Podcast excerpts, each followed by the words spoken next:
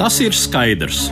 Ukrainai jāuzvar un jāizcīna sev jauna vieta Eiropas valstu kopībā. Bet neatbildēts paliek jautājums, kas būs ar Krieviju? Katra mēneša pēdējā ceturtdienā pēc trījiem es, Eduards Liniņš, uzdošu šo jautājumu Latvijas un ārvalstu ekspertiem. Mēs mēģināsim saprast, kas visticamāk gaida mūsu austrumu kaimiņu valsti un ko no tās varam sagaidīt mēs.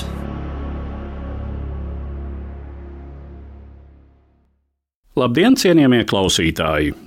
Mūsu šodienas sarunai ir mazliet cita ievirze, proti, šoreiz mēs uz Krievijas nākotnes scenārijiem paskatīsimies ar akcentu uz to, kāda tajos loma varētu būt Ķīnas Tautas Republikai. Un mana studijas viesņa šodien ir Rīgas Stradiņa Universitātes Ķīnas studiju centra vadītāja Una Aleksandra Bērziņa Čerenkova. Labdien! Labdien un prieks būt šodien ar jums! Man tāpat prieks.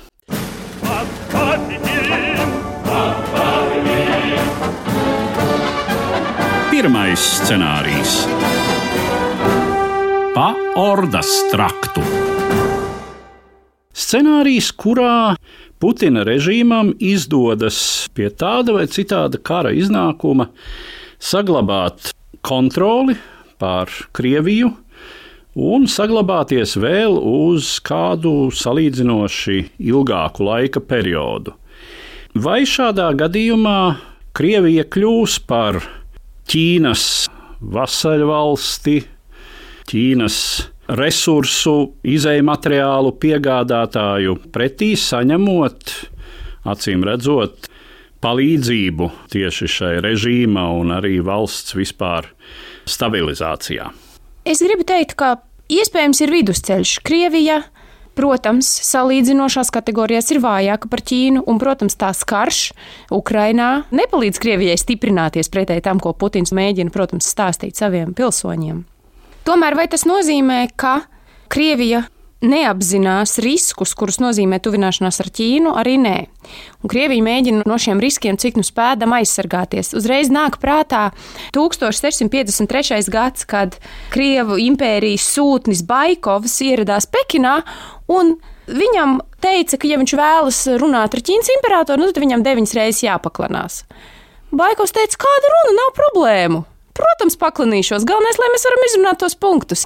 Un, protams, ziņojot atpakaļ, viņš ar tādu nu, nelielu ironiju runāja, ka, nu, ja jau viņiem tik šausmīgi gribās domāt, ka mēs esam viņu vasaļi, kā saka, lai domā.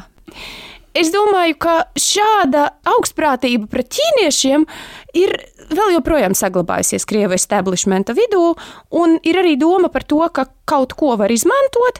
Un, protams, arī atkal jāsaka, ka starptautiskās attiecības un ka divu valstu bilaterālās attiecības tomēr nav nulles summas vienādojums. Tas ir sarežģītāks vienādojums, kurā ir stiprās puses, piemēram, Krievijas Arktika, kurai Ķīna gribētu tikt klāt, vai arī teiksim, šādas tādas Krievijas tehnoloģijas, kuras Ķīna vēl nav pamanījusies nedz nokopēt, nedz atkārtot vai arī principā ģeopolitiskais plecs, kurš Ķīnai arī šādi nodara. Tāpēc es domāju, ka par vasaļvalsti Tieši tāpat kā 17. gadsimta beigās mums nevajadzētu šo kļūdu pieļaut un domāt, ka Krievija par vasaļvalsti kļūs. Bet, protams, salīdzinoši vājāku spēlētāju, kurš mēģina izlīdzināt šo vājumu, mēs redzam. Un starp citu, mani kolēģi runā, ka iespējamās Putina runas par kodolieroču izvietošanu Baltkrievijā ir dūre un dūres kratīšana nevis tik daudz mūsu virzienā, kā mēs, protams, pamatot arī uztraucamies, bet arī neliela dūres kratīšana Pekins virzienā, ka, lūk, jūs mums te nevarat norādīt, kur mums likt un kur mums nelikt kodolieročus. Ķīnas attieksme pret kodolieroču situāciju vispār. Varbūt par to ir vērts mazliet arī parunāt. Kāpēc Ķīnas un Krievijas attiecību sarunu kontekstā kodolieročiem un kodolieroču izplatībai ir salīdzinoši nozīmīga vieta?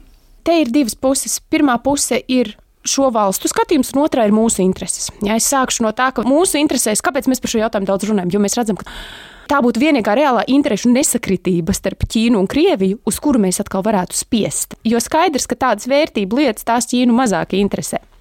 Kāpēc Ķīnai nepatīk Krievijas kodolieroču žvadzināšana? Kad mēs gribam analizēt Ķīnas ārpolitiku, mums vienmēr jāsāk no iekšas uz āru. Ķīnas gadījumā, protams, pirmā prioritāte ir tās reģions, kurā tā cenšas palielināt savu drošību un savu lomu. Ķīna bezmazliet varētu teikt, ka ir ofensīvā realismā skolas piekritēja. Un šajā reģionā kodolvaru gan oficiālu, gan neoficiālu ir cik uziet. Un, protams, Ķīna ļoti lielu vērību pievērš jautājumiem, kas ir saistīti ar kodolu neizplatību. Protams, tepat ir Džokers Ziemeļkoreja, tepat ir nu, principā ienaidnieks Indija. Tepat ir līdzīgi domājošais, jeb kā ķīnieši to romantiski sauc, kā zobi un lūpas tuvais partneris Pakistāna, bet ar kuru arī tomēr aiz aizvērtām durvīm pretrunu pietiek. Un tepat pāri šauram, šauram, šaurumam ir ASV, kā ķīnieši saka, nenogremdējamais raķešnesējs Taivāna, kur arī principā kaut arī tā nav kodolvalsts, bet skaidrs, ka aiz tās var stāvēt kodolvalsts. Un tad vēl Mums ir augus, mums ir austrāļi, kuri ir pierakstījušies līgumam, kas viņiem piegādās atomzemūdens, turklāt vēl arī mācīs viņus ražot atomzemūdens. Tāpēc Ķīna jūtās nedroši. Es jau, protams, par Krieviju vispār nerunāju, kas turpat ir blakus.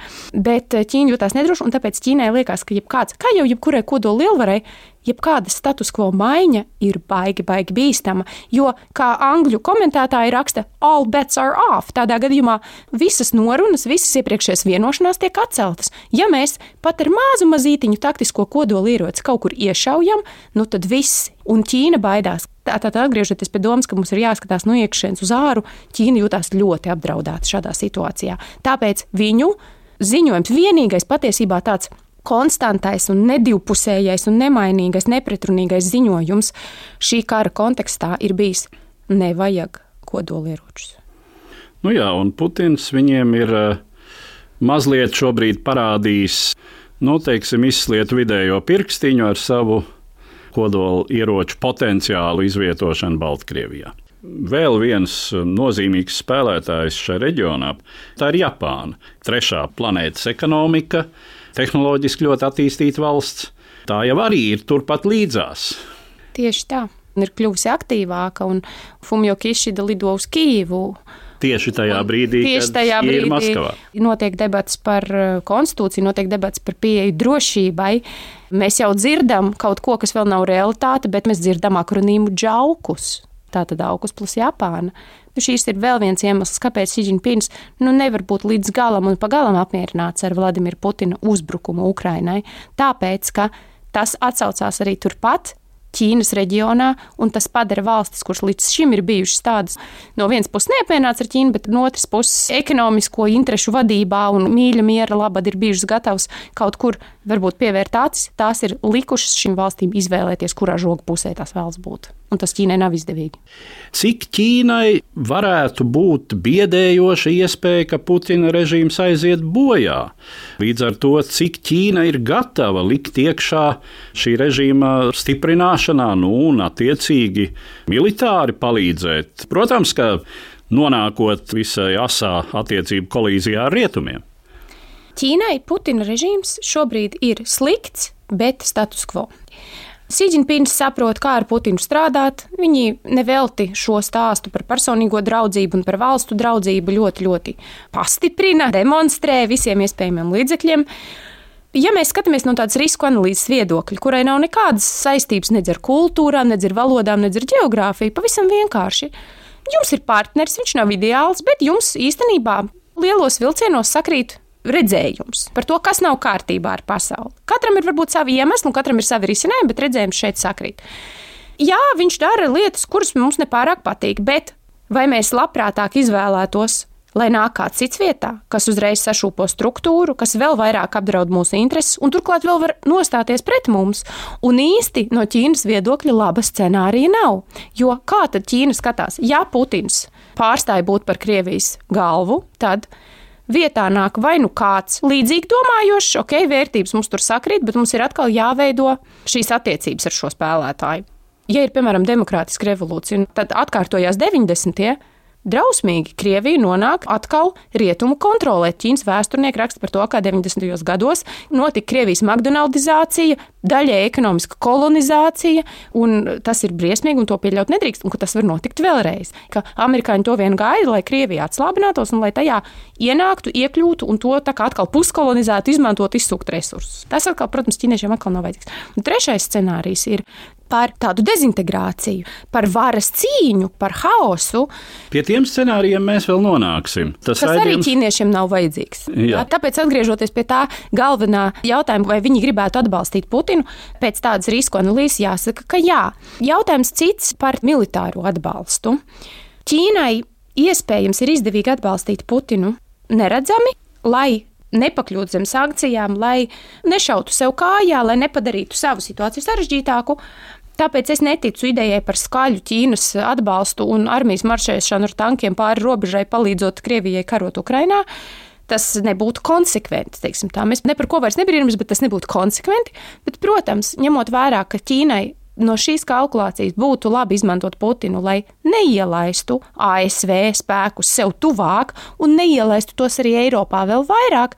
No tāda viedokļa mēs varam paredzēt, ka zem galda pakluso neredzami atbalsts uz Ķīnas noteikumiem varētu arī būt.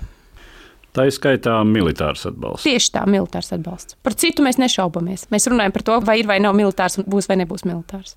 Protams, savienoto valstu un pārējo rietumu reakcijas šajā gadījumā tas arī ir tāds interesants jautājums. Nav gluži mūsu šīs dienas raidījuma temats, bet eh, cik lielā mērā Ķīna tomēr bažījies par to, ka tas varētu izraisīt eh, nopietnas sankcijas? Pilnīgi noteikti. Tā ir viena no kalkulācijām, un noteikti Ķīna ņem vērā to rietumu noturēšanas praksi. Proti, nevis rietumu noturēšanas praksi, bet kā rietumi notur Ķīnu. Tāpēc, ka pirmkārt šeit ir vienota pieeja. Un ap citu, mums, kā Eiropas Savienības dalībniekiem, būtu ļoti, ļoti jāizvairās, lai šīs pieejas starp ASV un Eiropas Savienību atšķirtos. Ja tā ir vienota pieeja, aiz kuras stāv spēks, varbūt neteiksim militārs, bet teiksim ekonomisks pirmkārt, tas ir arguments Ķīnai nedarīt to atklāti. Bet atkal es gribu pasvītrot, nedarīt to atklāti. Tikpat labi Ķīnas kompānijām meklējot ceļus, kā piepelnīties ēnas aizsargā.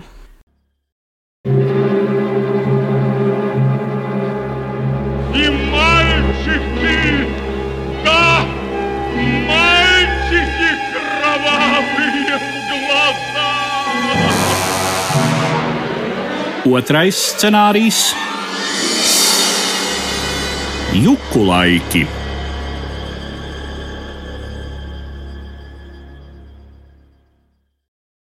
Domājot par um, otru scenāriju Krievijas sakarā, esošā režīma sabrukumu, kam seko tā var būt apvērsumu virkne, tā var būt uh, dažādu reģionu savstarpējā attiecību kārtošana, iespējams pat uh, Krievijas sairšana, līdzīgi kā tas notika ar Padomju Savienību.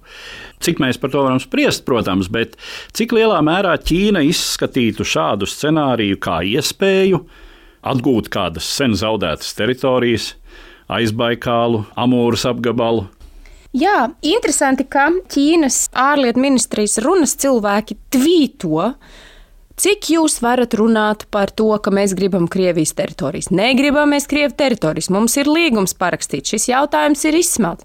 Tagad jautājums par to, ka viņi tik aktīvi tvīto šo. Ko tas nozīmē? Vai tā ir atbilde? Jo mēs saprotam, ka ik viens diskurss ir dialogs, ik viens paziņojums ir atbilde uz iepriekšējo sarunu. Tad jautājums, uz kuru sarunu šis tvīts, piemēram, atbild? Vai uz ārējo mūsu debati, tieši tā kā mēs šobrīd runājam, būs vai nebūs interese par teritorijām, vai arī uz Ķīnas iekšējo sarunu, kur mēs zinām, ka Siģinpins nav ne tuvu tas nacionālistiskākais kadrs kompartijā, un kur ir tāds labējs spārns, kurš saka, ka vispār totāls revanšisms, ņemam visu, ko vien varam atpakaļ. Un iespējams, ka tā ir atbilde arī viņiem. Nu, mēs redzam, ka Ķīnas valdības oficiālā pozīcija ir tāda, ka šie līgumi ir noslēgti, bet mēs arī redzam, kāda ir Ķīnas pozīcija attiecībā uz teritoriāliem pārkāpumiem. Tāpēc es atbildēšu izvairīgi. Es teiktu tā, ir ļoti stipri jāmainās Krievijas administratīvajai un politiskajai sistēmai, vai jāsairst, kā jūs teicāt, lai būtu kaut kāda iespēja, ka ķīnieši teiksim, šīs teritorijas vai iekļauj, vai, vai kā savādāk. Šobrīd arī Vai tam ir liela nozīme, izņemot tādu kā tiešām vēsturisko revanšismu un sāpes par pazemojumu gadsimtu un negodīgajiem līgumiem 19. gadsimtā? Es neredzu. Teiksim tā, ja ķīniešiem būtu iespēja vēsturiski pieteikt sev kādu Arktikas stūrīti, tad varbūt būtu savādāk. Bet šobrīd, vai Sibīrijas plašuma un tālie austrumi būtu jāiekļauj Ķīnas teritorijā, es domāju, ka nē, ka tiešām tā nav prioritāte. Bet ir viena lieta, ir geogrāfiskās kartas, un otra ir mentālās kartas. Un Ķīnas mentālajā kartē tiešām šīs teritorijas tiek ierakstīts. Mani kolēģi ir rakstījuši jau gadiem par to, ka Ķīnas tā institūcija, kur atbild par geogrāfisko nosaukumu standartizāciju, drukā rokas grāmatas, kurās ir teikts, Šīs Krievijas pilsētas mēs saucam vecajos ķīniešu nosaukumos. Mēs nesakām Fulāķivās to ko, Vladivostoka. Nu, nē, mēs nelietojam uh, Blagovešinska. Tāpēc tur ar mentālajām kartēm viss ir kārtībā, bet geogrāfiskās un politiskās kartes, es domāju, ka Ķīna pārzīmēt nesteigsies. Jā, tās kartes, kas tagad salīdzinoši intensīvāk parādās sociālajos tīklos, tādas Ķīnā pastāv jau sen. Tā nav nekāda novitāte, kas ir parādījusies šobrīd, varbūt sakarā ar Ķīnas ekspansionistisku noskaņojumu pieaugumu šobrīd. Manuprāt, arī domājot par Krievijas iedzīvotāju noskaņojumu, izjūtu un izvēlēm. Ķīna varētu būt citu, viens no tiem faktoriem, kas varētu likt Krievijas sabiedrībai censties šo valsti saturēt kopā. Tas ir viens no biediem, kur varbūt vēl kāds bieds ir kādu radikālu islāmistu uzkundzēšanās dažos reģionos. Bet Ķīna varētu būt tas lielākais. Ka tiešām, ja Krievija tā pavisam nopietni brūk, tad ir jautājums, kur būs Ķīnas rietumu robeža. Es jums pilnīgi piekrītu. Gan no Krievijas puses ir doma, ka tomēr mums ir jāturās un jāsatur, jo citādi nāks ķīnieši. Mēs esam to lasījuši un dzirdējuši arī no Krievijas komentētājiem. Gan arī no Ķīnas puses ir Es nepiekrītu tiem, kas saka, ka Ķīna ir šausmīgi ieinteresēta Krievijas dezintegrācijā. Tieši tāpēc, ka Ķīna tomēr novērtē stabilitāti, un tā ir jau skaidri nosacījumi, kā strādāt ar šo Krieviju. Tāpēc tas arguments, ka Ķīna gribētu dezintegrēt Krieviju, lai paņemtu teritorijas, nu, manuprāt, tas šobrīd nebūtu ticams, jo jūs nevelti minējāt to radikālā islāma uzkundzēšanos. Protams, ka tā ir arī viena no tēmām, kuru Sīdžinpins apspriež ar Putinu. Tā ir viena no tēmām, kas ir katreiz uz galda, kad tiekās Krievijas un Ķīnas pārstāvji proti cīņa pret terorismu, separātismu un ekstrēmismu. Šie trīs nē. Tas nozīmē, ka Ķīna ļoti labi saprot, kā 90. gados gāja Čečenijā, Krievijai. Starp citu, esmu lasījusi Ķīnas autoru analīzi par Ziemeļkaukās radikalizāciju Krievijā. Liktos, kāpēc mums tas jāpēta? Skaidrs, tas attiecās uz viņu iekšējo politiku. Tāpēc, protams, tāda Krievijas dezintegrācija Ķīnai nav šobrīd izdevīga.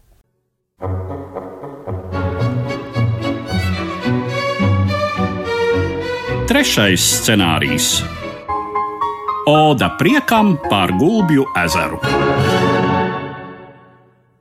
Iespējams, optimistiskais ceļš, cik nu tas ir iespējams, protams, mēs eh, līdzinējos raidījumos ar diezgan lielu skepses devu esam uz to raudzījušies, bet tomēr Krievijas demokratizācija, Krievijas pavēršanās rietumu attīstības virzienā Droši vien ir jārēķinās, ka nonākšana līdz rietumiem pieņemamiem standartiem tās visdrīzāk ir desmit gadus.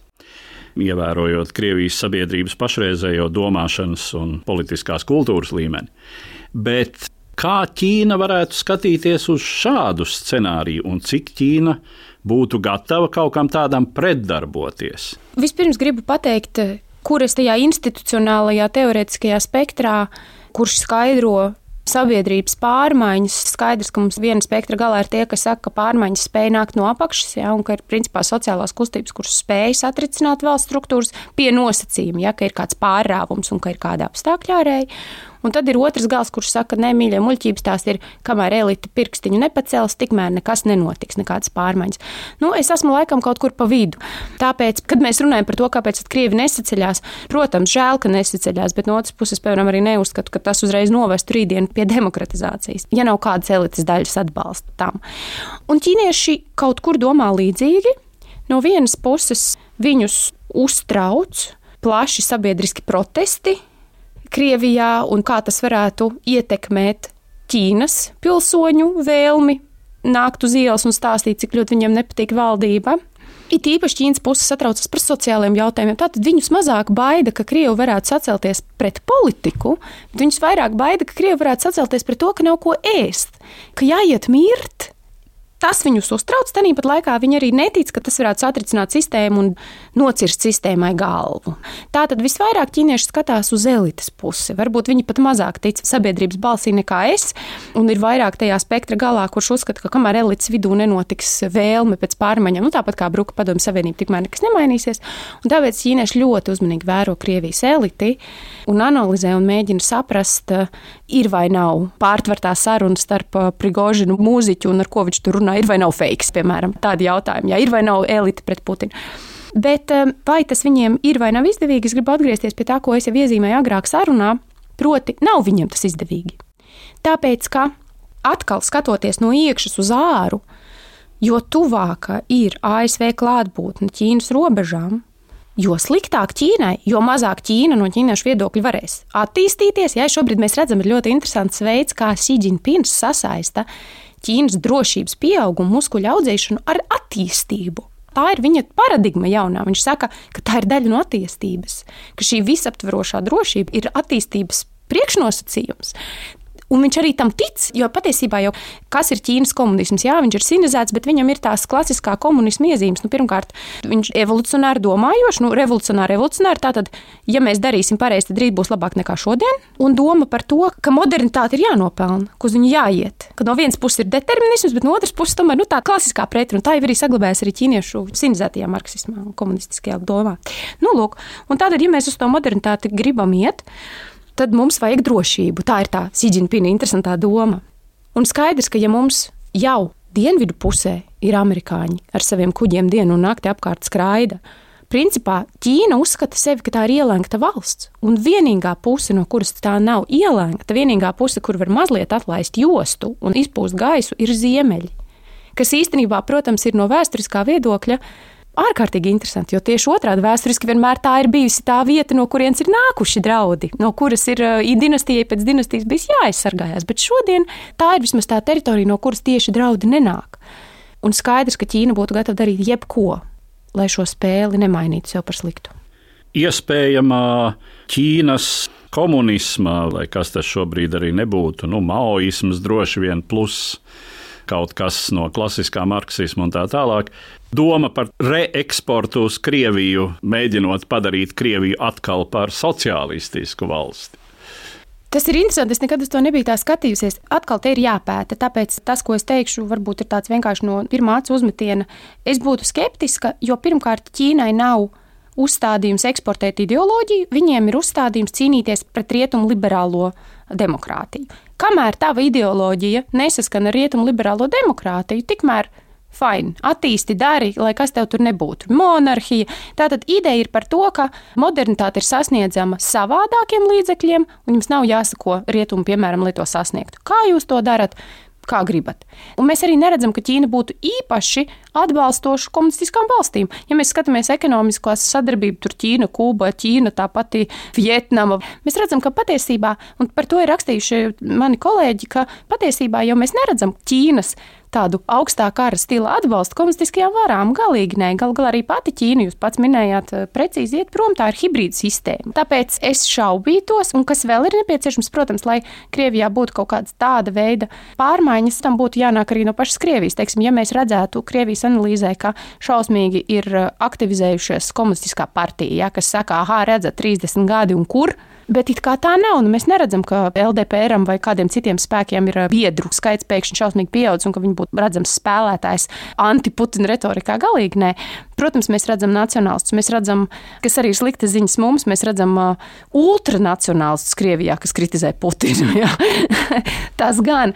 Bet noteikti es domāju, ka tā scenārija būvēšana ir ārkārtīgi svarīgs uh, intelektuāls vingrinājums, un tāpēc šāda veida ideoloģiskās līdzības uh, meklējumi un idejas pašā Krievijā, ka varētu, piemēram, izskanēt doma par to, ka kopējam ķīniešus vairāk, pastieties, kā viņiem ir izdevies, mums nav izdevies. Kaut kur tas ir izskanējis, vai tas rezonēs, maz ticams, bet kāpēc ne? Kurš scenārijs no Pekinas viedokļa šobrīd šķiet ticamākais, uz ko viņi savā politikā no šiem trīs attīstības variantiem teiksim, liek uh, likmi un cik liela tā likme ir? Šis tiešām ir kaut kas tāds, kur var tikai minēt Es domāju, ka, ja mēs raugamies uz politisko komunikāciju, tad liekas, ka viņi, protams, liek likmi uz režīma saglabāšanos, uz tāda pavājināta, bet režīma saglabāšanos. Nevelti mēs esam redzējuši arī publikācijas ķīniski, kur tiek runāts par Krievijas nenovērtēto izturību Tā tad, ah, jūs domājāt, ka Krievija tūlīt, tūlīt teva sabruks, vai ne? Līdz ko jūs savus pamperus un ko tur vēl pārstāsiet eksportēt uz Krieviju. Nekā nebija. Pastieties gads apkārt un turās, jā, aug griezdamās. Šī nav oficiālā komunikācija, šī ir mēdīņu komunikācija un viedokļu raksts. Ja es gribu uzsvērt, ka es dažreiz eh, tā neuzmanīgi runājot, eh, izklausās, ka es sametu visu vienā katlā.